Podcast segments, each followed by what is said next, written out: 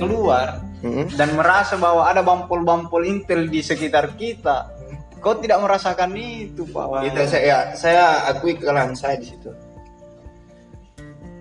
Iya, coba kita bagaimana konsep kita tadi bilang bullying. Hmm.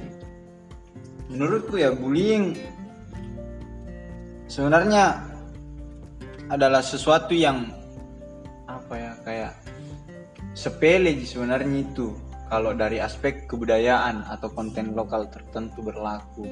Cuman ketika hadirnya sosial media itu menjadi sensitif menurutku. Yang menjadi sensitif. Contoh misalnya kalau kita konteksnya eh, masa kecil lah misalnya dan sebagainya. Waktu SMA itu kan masih masih biasa-biasa saja kalau konteks bullyingnya dipanggil hitam ataukah dipanggil nama orang tua itu kan kayak semacam keakraban nih kayak akrab sekali Meki dan sebagainya. Cuman ketika diperhadapkan dengan konteks dunia yang eh, skala meluas dalam hal ini sosial media itu yang menjadi sensitif. Entah itu karena memang ada orang yang murni sudah tidak manusiawi cara bullyingnya ataukah dia kayak mungkin kayak semacam so asik. Orang mau post tiba-tiba muncul tidak dikenal ini langsung membuli woi hitam woi ini. Itu kan aneh makanya bisa jadi bullying itu menjadi sensitif. Cuman secara kodrat memang ya salah secara ini sih secara apa bahasanya di secara konsep memang salah. Seharusnya ya tidak bisa dibully ini. Bullying secara fisik. tadi. Cuman kayak contohnya. Cuman menurutku ini yang menarik kalau dalam konteks uh, media TV itu yang itu yang uh, banyak orang lihat hal yang sangat biasa-biasa saja. Dan memang cara bungkusnya itu sangat halus. Halus. Nah, semisal antar persoalan wajah wajah mana yang baik wajah mana yang seharusnya. Hmm. Eh, contoh dengan iklan pencuci muka dengan memakai ini wajah akan bersinar dan sebagainya Dan putih. Ah, ah. Ya, Dan- tunggu tunggu potong dulu. Ah. Nah, ketika menarik pembahasannya tadi, ketika misalnya eh, iklan mengampanyekan eh, produknya, eh, ada hegemoni yang ingin dicoba untuk ditanamkan Tidak kepada ada bullying. ada bullying, Ah, bahkan bullying, kekerasan kekerasan. secara Artinya begini, dalamnya eh, kekerasan simbolik yang eh, abang katakan tadi, tapi de- dengan iklan itu orang menilai bahwa dengan wajah cerah dan putih bersih itulah simbol kecantikan. Iya, jadi iklan itu bukan hanya persoalan dia mau mencari uang atau ingin menjual produknya, tapi ada konsep kekerasan yang yang sifatnya bullying dalam semisal yang dimaksud dengan tadi wajah yang baik yang bersinar dan seterusnya tidak jerawatan artinya dia sudah menghina bahwa yang berjerawat yang berminyak itu itu kan meskipun meskipun tidak manusiawi ini secara tersirat meskipun tidak dikatakan Iya. mereka jelek, Ah, tetapi ah. sudah tersirat bahwa itu suatu keburukan menghakimi. karena Nah. dia sudah mereduksi bahwa ini yang baik artinya ada yang buruk kalau begitu Ini menarik. Eh, ketika misalnya pencuci wajah itu Hmm. kita sodorkan kepada kawan eh, saudara kita yang di misalnya di eh, bagian timur ya, iya itu kan mereka kulitnya gelap gelap. Hmm. Kira-kira itu masuk akal tidak ketika dia pakai krim pencuci muka itu dan dan nanti mencerahkan dia punya wajah. Bagaimana memandang itu? kalau kalau saya memang dari konsep awalnya sudah bullying harusnya memang kita menerima kodrat manusia apa adanya baik itu dia mau gelap mau berminyak dan seterusnya ya dia tetap dilihat apa? iya mau dia harus tetap dilihat sebagaimana manusia karena kan eh, hal-hal yang seperti itu alamiah muncul bukan hal yang diminta Bukan hal yang diminta. bukan yang saya muka jerawatan tidak. Bu- bukan pilihan bukan Iya. pilihan kita. bukan pilihan Bahwa saya mau putih, iya bukan termasuk ini saya menarik juga saya lihat di media sosial saya Ah. itu termasuk ada di kalangan di sekitar kita yang berkeliaran juga itu Ah. Mencoba di- dijadikan sebagai citra Nah. ketika minum susu ini Hmm. maka kulit akan menjadi putih ini mustahil Maksudku tidak salah dia menjual, tidak salah. salah menjual Tidak salah. Cuman harusnya ini tidak mesti merugikan atau mereduksi hal yang lain. Dia tidak boleh menyalahkan hal yang lain. Semisal eh, minum tapi begini bang. Bukankah misalnya konsep suatu kecantikan atau keindahan? Ya. Indah kan persoalan estetika. Nah estetika ini dekat kepada Tuhan kita beda tafsiran. bisa eh, tafsirannya Tafsiran saya tentang estetik itu, estetik itu perpaduan dari nilai logik dan etik. Makanya lahir estetik. Estetik itu tidak berdiri sendiri. Dia bukan objek yang mempunyai klarifikasi tentang fisik, perasaan dan sebagainya. Tidak. Menurut saya estetik itu adalah sinkronitas antara logiknya dan etiknya. Pikiran sederhananya logik dengan eh, pikiran apa yang dia pikirkan dan bagaimana tindakannya itu sejalan. Itu estetik menurut saya. Kan malah eh, bagaimana kita menampakkan fisik. Eksistensi namanya tuh. Eksistensi. Tetapi eksistensi secara fisik itu bagaimana? Abang memandang eksistensi secara fisik maksud saya yang tidak ada yang bisa dinilai dari eksistensi secara fisik. Menurut gue tidak ada yang bisa, bisa dinilai. tidak ada. Orang lebih tertarik tertarik eh, eksistensi yang seperti itu. Menurut kurang kurang kerjaan. Kurang kerjaan. Kenapa bisa kurang kerjaan? Ya apa apa karena, sebenarnya? karena dia tidak bisa menganalisis sesuatu secara mendalam dan melakukan tindakan yang yang yang lebih baik untuk untuk hal bersama misalnya sehingga yang dia yang dia bisa lakukan cuman melihat dan mengkomentari. Kurang kerjaan jadi eh, eksistensi yang secara fisik itu orang menilai sebenarnya orang yang kurang kerjaan jadi esensi eksistensi atau mengada atau menjadi yang seperti Kalau pandangan abang itu bagaimana? mengada itu dia adalah sesuatu yang bisa dilihat atau dirasakan secara eh, panca indera itu saja. Itu mengada Ah, eh, apakah masuk dalam kelompok yang tadi yang sebelumnya kita bahas? Yang itu tadi? Dia, dia eksistensi saja. Yang kurang kerjaan itu kalau mengada eh, Iya, mengada dia hanya bisa di di di diinrai oleh panca indera beda kalau menjadi artinya dia orang bisa menganalisis orang bisa melakukan atau terdorong juga melakukan tindakan tertentu. Itu dia artinya sudah mengada. Artinya misalnya dengan tindakan tertentunya ini dia menjadi rule atau contoh. Wah masa dia bisa begini? Nah, kita beralih lagi. Ini kondisi bullying. Bisa mm, merusak sebenarnya mental, mental pribadi seseorang dan pada akhirnya dia akan eh, depresi atau mungkin berujung pada ke- kematian. Bagaimana melihat itu? sebenarnya dua-duanya salah sih orang yang melakukan bullying dan orang yang terima konsep bullying itu dua-duanya salah Banyak. iya seharusnya kan meskipun kita dibully ya tidak perlu melakukan perlawanan apa pun karena tidak ada yang sepak tanya. karena memang faktanya ataukah tidak penting juga untuk ditanggapi atau diladeni apa yang penting Misalnya saya katakan abang ini, kok Ah. jelek sekali. Iya. Apa-apa tanggapan kira-kira? Ya. Harusnya mereka yang yang misalnya biasa melapor itu si si teman saya bully saya sehingga saya merasa sakit hati. Ah, Bagaimana konsekuensinya? Kalau- mendengar- kalau- ini abang mukanya jelek. sekali. Kalau Anda membuli saya secara person begini, Hmm. itu tidak masalah bagi saya, serius.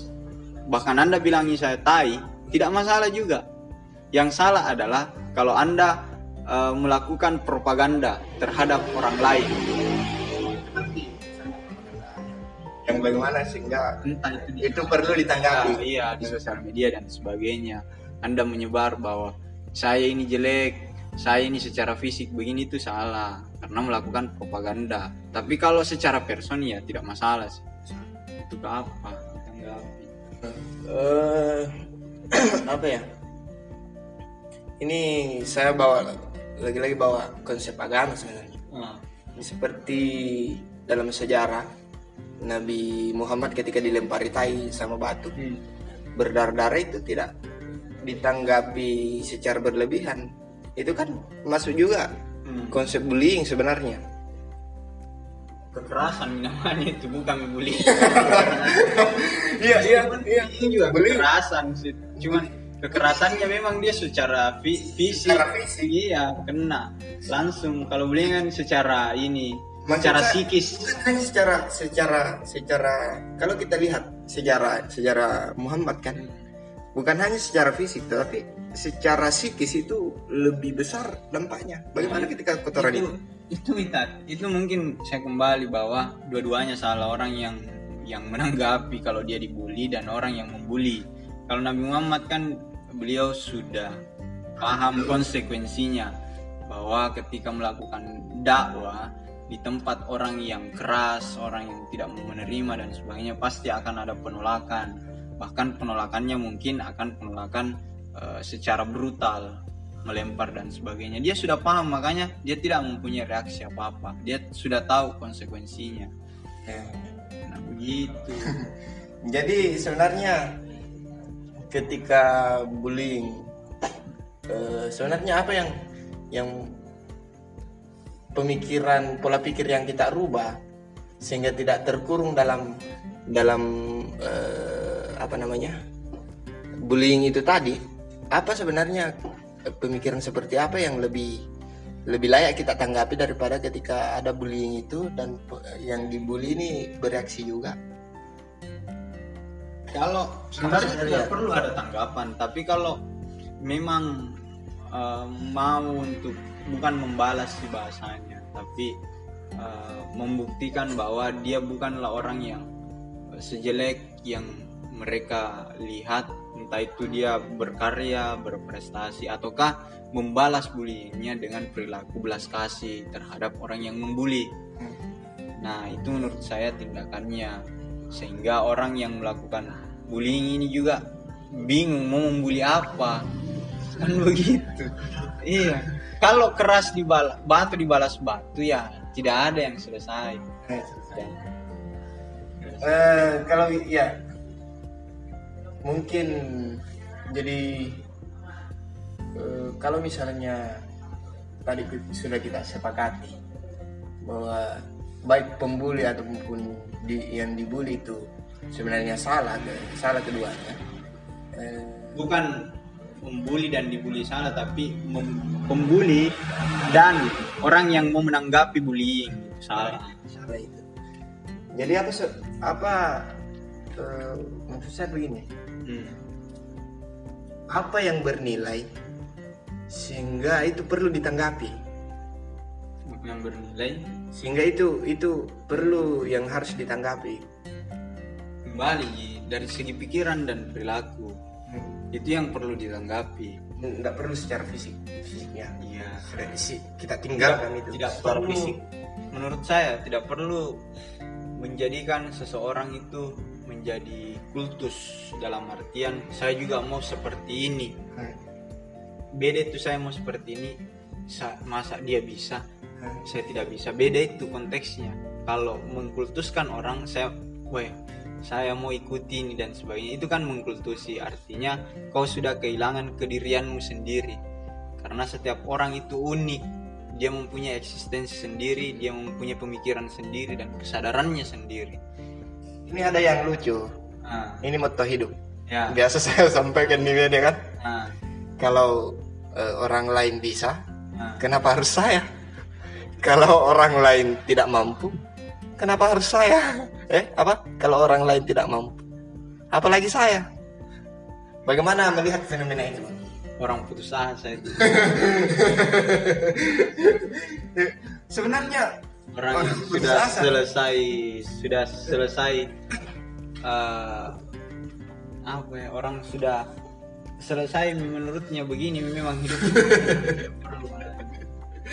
Tapi itu kan yang ter- perlu lagi berkembang Tapi itu kan yang terjadi. Misalnya ada kita dihadapkan kepada suatu masalah, Ya. sementara pikirannya mungkin teman-teman apa itu oh habis sementara pikirannya teman-teman itu kan eh, meskipun dia mungkin secara ini secara tidak sadar tapi dia terapkan motto itu. Artinya karena banyak hal yang membuat seseorang tidak bisa berbuat. Kita tidak bisa langsung eh, menjustifikasi bahwa ini ada kondisi yang seperti ini kenapa anda tidak mau berbuat? Ya kita harus melihat kondisinya juga. Jangan sampai memang dia banyak batasan-batasan sehingga dia tidak bisa berbuat itu. Semisal contohnya saya banyak melihat eh, kawan-kawan yang organisasi ini anak-anak organisasi aktivis yang sering menggaungkan apa tong itu? Mahasiswa kupu-kupu. Tidak ada gunanya dan sebagainya. Kuliah ini jina kerja. Kuliah eh kampus kos kampus kos ini keleman seperti itu atau penghakiman seperti itu menurut saya tidak boleh langsung dijustifikasi bahwa mereka ini tidak peduli dan sebagainya jangan sampai mereka juga terbatas entah itu karena eh, mereka harus membantu orang tuanya di rumah ataukah dia harus bekerja untuk menghidupi dirinya sendiri itu kan aspek keterbatasannya sehingga ada yang membatasi ya. Iya, tidak bisa juga langsung diklaim bahwa mereka salah. Ataukah itu adalah bentuk ekspresinya bahwa inilah saya dan kebebasan saya, tidak mau terikat dengan organisasi Hmm. dan seterusnya. Ya, artinya ada yang membatasi Maaf. Oke, lanjut. Eh, menarik ini. Eh, kita kaji, ka- kita beralih ke sudut pandang lain mungkin Hmm. tentang pembulian. Ya, Eh, mengapa itu bisa bisa terjadi seperti itu? Bahkan menarik minat, bukan minat sih, bahasa lainnya. Maksud saya banyak yang terpengaruh. benar menurut Anda konteks bullying ini eh, dia objeknya siapa? Tidak Kalau di Indonesia rata-rata. Maksud saya begini, kenapa orang lebih eh, apa namanya eh, pengaruhnya dia tergiring dia dia sampai tergiring di pembulian itu apa apa yang Kalau apa yang saya, apa saya- yang menyebabkan Saya sepakat dengan pemikirannya Bang Jasuli Imam bahwa anak anak kita itu adalah korban. Anak-anak remaja, anak-anak yang masih belia SD dan sebagainya. Mereka itu adalah korban. Kalau kita melihat analisis, kebanyakan kan bullying di situ yang terjadi.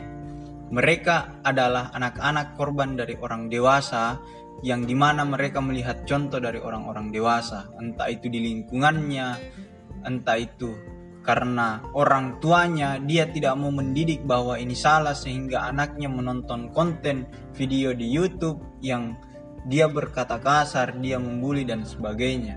Itu kan itu kan bukan berasal dari dia, dia cuman mencontoh.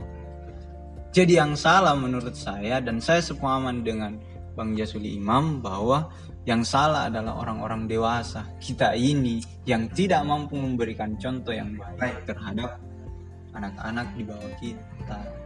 oke Eh, bullying ini biasa dij- dijadikan lelucon itulah yang memicu eh, mungkin dari remaja bahkan sampai ke dewasa yang sehingga mau tidak mau untuk membuat satu lelucon harus melakukan pembulian bagaimana melihat itu?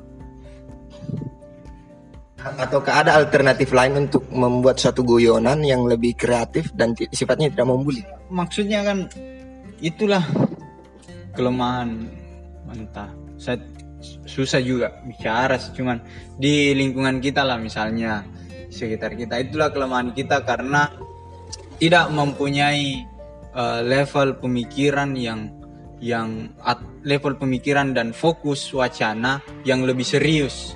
Kita cuman di takaran yang rendah atau di kulit-kulitnya saja sehingga seperti itu. Saya kasih contoh sebenarnya banyak candaan atau guyonan yang yang yang lebih bernilai yang lebih bernilai atau satir. Contoh misalnya guyonan Gus Dur. Iya, ya. Ketika masih Orde Baru menjabat. Beliau katanya pernah ada pertemuan membicarakan konteks kebangsaan Nah, ternyata ada Intel. Nah, bagaimana? Karena ada Intel, makanya diskusi itu semua pakai bahasa Arab. Jadi Pak Soeharto menelpon. Jadi intinya tunggu dulu uh, pakai bahasa Arab. Pak Soeharto menelpon. Bagaimana kondisi di sana? Hmm? Aman. Semua di sini uh, tidak ada membahas tentang pemerintah. Justru mereka saling mendoakan bersama.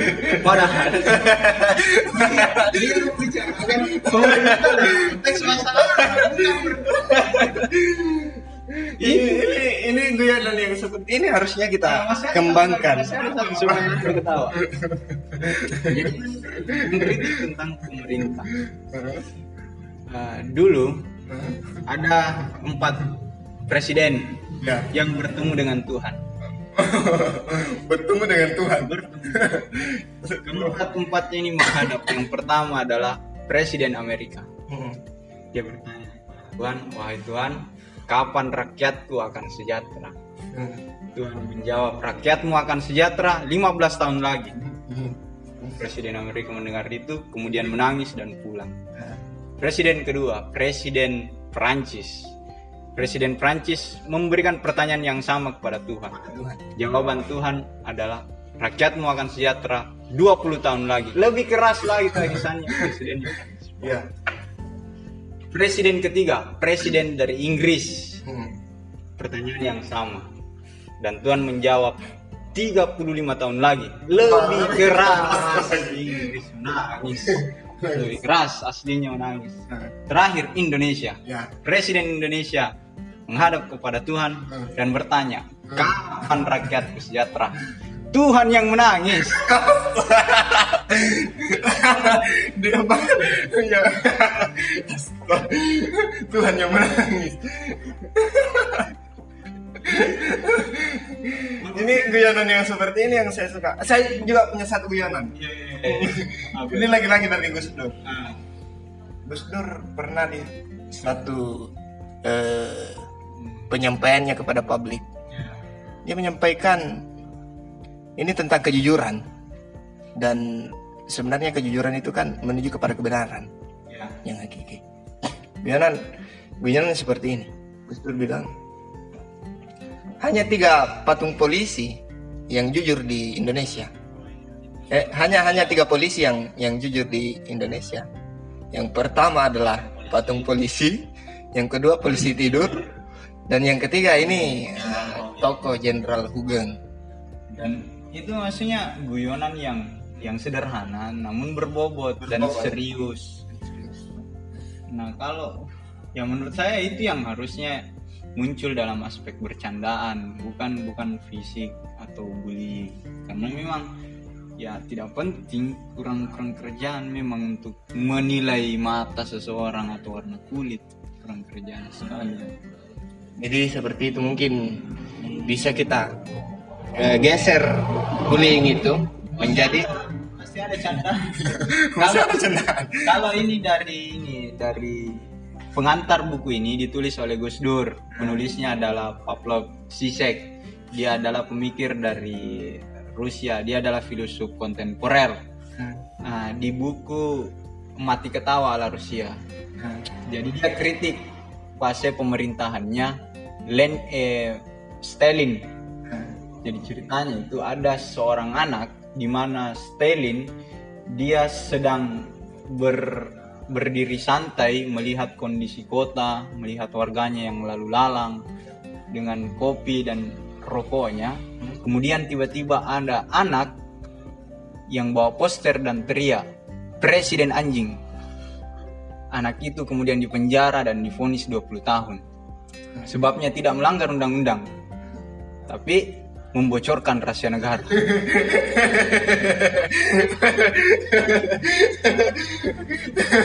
Ini lebih kegiatan seperti ini yang harusnya kita kembangkan ya kan? Lebih berguna. Ya mungkin pada teman-teman yang lagi mendengarkan ya kita geser lah itu pembulian Iya. pada lebih kepada guyonan yang nilainya bisa kita merenungkan sesuatu yang kita semua guyonan-guyonan hal yang seperti itu tidak lahir secara spontan tapi dia lahir dari bagaimana menilai pemikiran dan bagaimana menilai tindakan. Kan di situ. Makanya lahir sebuah estetik dalam bentuk eh, komedi estetik dalam bentuk guyonan yang yang selain orang ketawa ada nilai di dalamnya ada hal yang bisa disampaikan. Jadi ini sejalan dengan penyampaian di awal eh, abang tadi. Hmm, bahwa kita seharusnya ini guyonan tadi yang yang kita nilai berbobot itu tidak secara fisik dia memandang kan? Tidak. tidak Tidak kan ada tidak, yang fisik. tidak ada yang fisik. Mulai dari Gus Dur tadi sampai yang dijelaskan di akhir sisek itu secara tindakan.